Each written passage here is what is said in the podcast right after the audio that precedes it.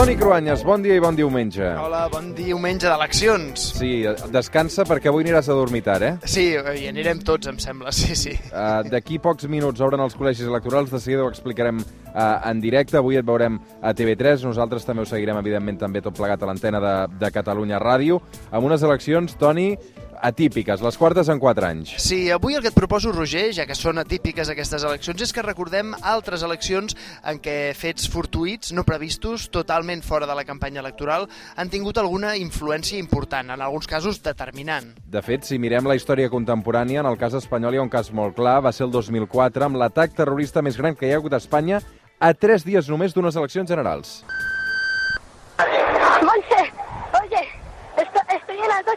November ಹೇಳ್ತಾರೆ ನೇಮಸ್ಥಾನ Aquest és un testimoni esgarrifós d'uns atemptats, els de l'11 de març, que van causar 193 morts i al voltant de 2.000 ferits. Sí, de fet, encara em fa posar la pell de gallina sentir-ho. Eh? Ja fa 15 anys van ser uns atacs a quatre trens de la xarxa de Rodalies de Madrid entre les 7.36 i les 7.40 del matí de l'11 de març.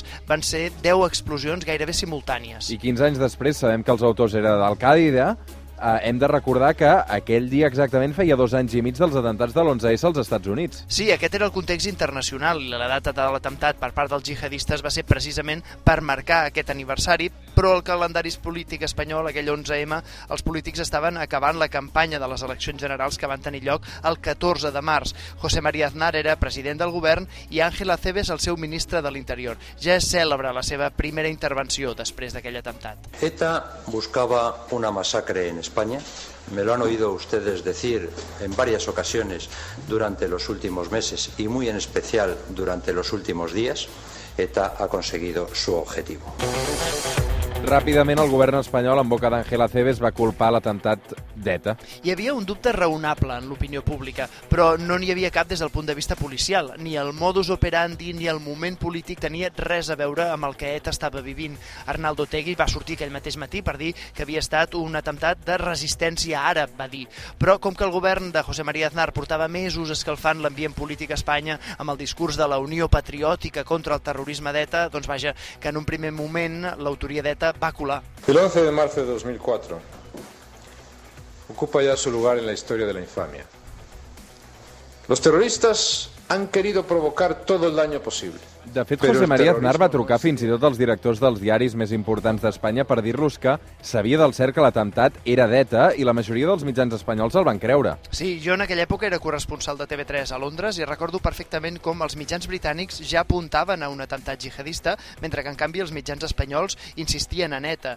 De fet, aquella tarda, un diari palestí amb seu a Londres va rebre un comunicat en nom d'Al-Qaeda que reclamava l'autoria de l'atemptat i fins i tot l'11M al vespre el ministre Cebes va informar d'una pista que seria clau. Se ha localizado una furgoneta en Alcalá de Henares y en el asiento delantero cintas en árabe que contiene versículos del Corán dedicados a la enseñanza.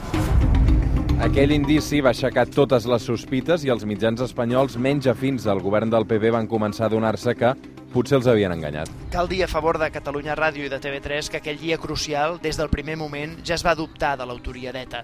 Recordaré, crec que tota la vida, la, la trucada del company Joan Roure de TV3, especialista en Pròxim Orient, a primera hora del matí d'aquell di- d'aquell dijous, dient-me que allò havia de ser Al-Qaeda segur. I jo confirmant-li que aquesta era la tesi de la BBC. Després, la SER, el periòdico, el País, s'apuntarien a la tesi jihadista. Evidentment eren moments importants perquè l'atemptat era molt greu, però també perquè allò podia influir en unes eleccions que en principi les enquestes deien que havia de guanyar el PP. És clar, José María Aznar tenia majoria absoluta i el seu successor designat, Mariano Rajoy, estava per davant a les enquestes. Durant el divendres 12 de març semblava ja clar que Al-Qaeda era l'autor dels atemptats per part de tothom, bé, tots els partits excepte el PP i els mitjans menys recalcitrants a favor del PP que també ho veien. Però el ministre Cebes va insistir, malgrat totes les evidències, en què mantenien oberta la sospita sobre ETA. Sí, sigue siendo siendo la principal línea de investigación, así me lo han eh, manifestado hace un momento las fuerzas y cuerpos de seguridad, es decir, los responsables de la investigación.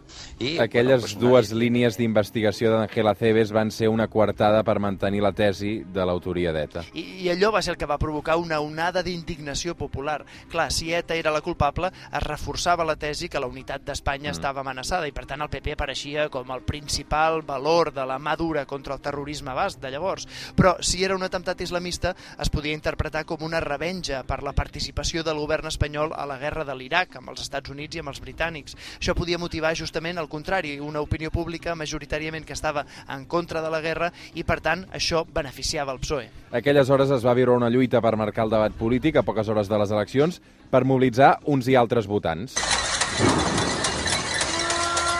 I davant del que es va considerar un engany, hi va haver cassolades de protesta. Sí, recordem que en plena jornada de reflexió, en una època en què internet era molt menys seguit que avui, no hi havia, per exemple, ni whatsapps, ni Telegram, ni les xarxes socials estaven tan desenvolupades, però es van passar missatges de mòbil per SMS, o sigui, mentre tot el dia seguien abonant la tesi d'ETA, personificada en el periodista Alfredo Urtazi, que era la veu oficialista de televisió espanyola, molt criticada llavors per estar molt alineada amb el PP, es va organitzar una campanya per missatges de mòbil.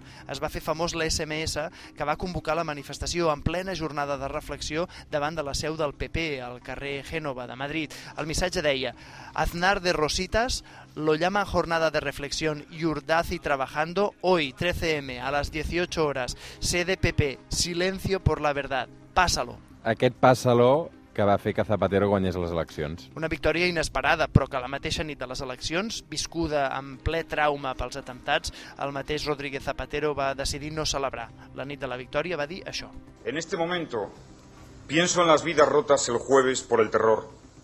Pienso en todos ellos y pido que guardemos aquí y también cada cual en su hogar un minuto de silencio y de recuerdo para no olvidar nunca. I tot això ja és història. Va ser l'atemptat que va capgirar aquelles eleccions o va ser la gestió de l'atemptat per part del govern d'Aznar? És imperdonable moralment que s'intentés enganyar la gent, més encara amb una qüestió tan sensible com un atemptat amb morts.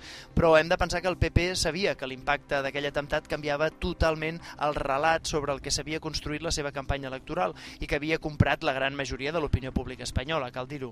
Posem-nos en la seva pell en aquell moment. ETA continuava activa. El PP de la majoria absoluta d'Aznar es va escurar en el discurs antinacionalista basc i antinacionalista català, perquè en aquells moments el lendacari era Juan José Ibarretxe, amb el seu pla sobiranista per un nou estatut basc, i el PSOE de Rodríguez Zapatero governava amb els independentistes d'Esquerra Republicana a la Generalitat. Sí. El PP s'erigia ja llavors com el defensor de la unitat d'Espanya, que creien amenaçada. Mm. ETA ha desaparegut ara del mapa, però havia atemptat en períodes electorals abans. Clar, i això donava credibilitat a aquestes paraules de Cebes i d'Aznar aquells dies de març del 2004. A les eleccions anteriors, el 2000, ETA va assassinar el portaveu socialista al Parlament Basc, Fernando Buesa, i també el seu escolta, amb una furgoneta bomba, 20 dies abans de les eleccions generals. I, de fet, això tornaria a passar l'any 2008, amb l'assassinat a trets d'un exregidor del PSOE Basc, Isias Carrasco, dos dies abans de les eleccions que tornaria a guanyar Rodríguez Zapatero. Si pudiera olvidar todo aquello que fui, si pudiera borrar todo lo que yo vi, no dudaría, no dudaría en volver a reír. Avui arribarem a les 9 del matí, l'hora que obren els col·legis electorals d'aquestes eleccions del 10 de novembre, amb aquesta cançó pacifista de No duraria d'Antonio Flores. Cruanyes, molta sort aquesta nit. Que vagi bé, gràcies a vosaltres, bon dia a tots.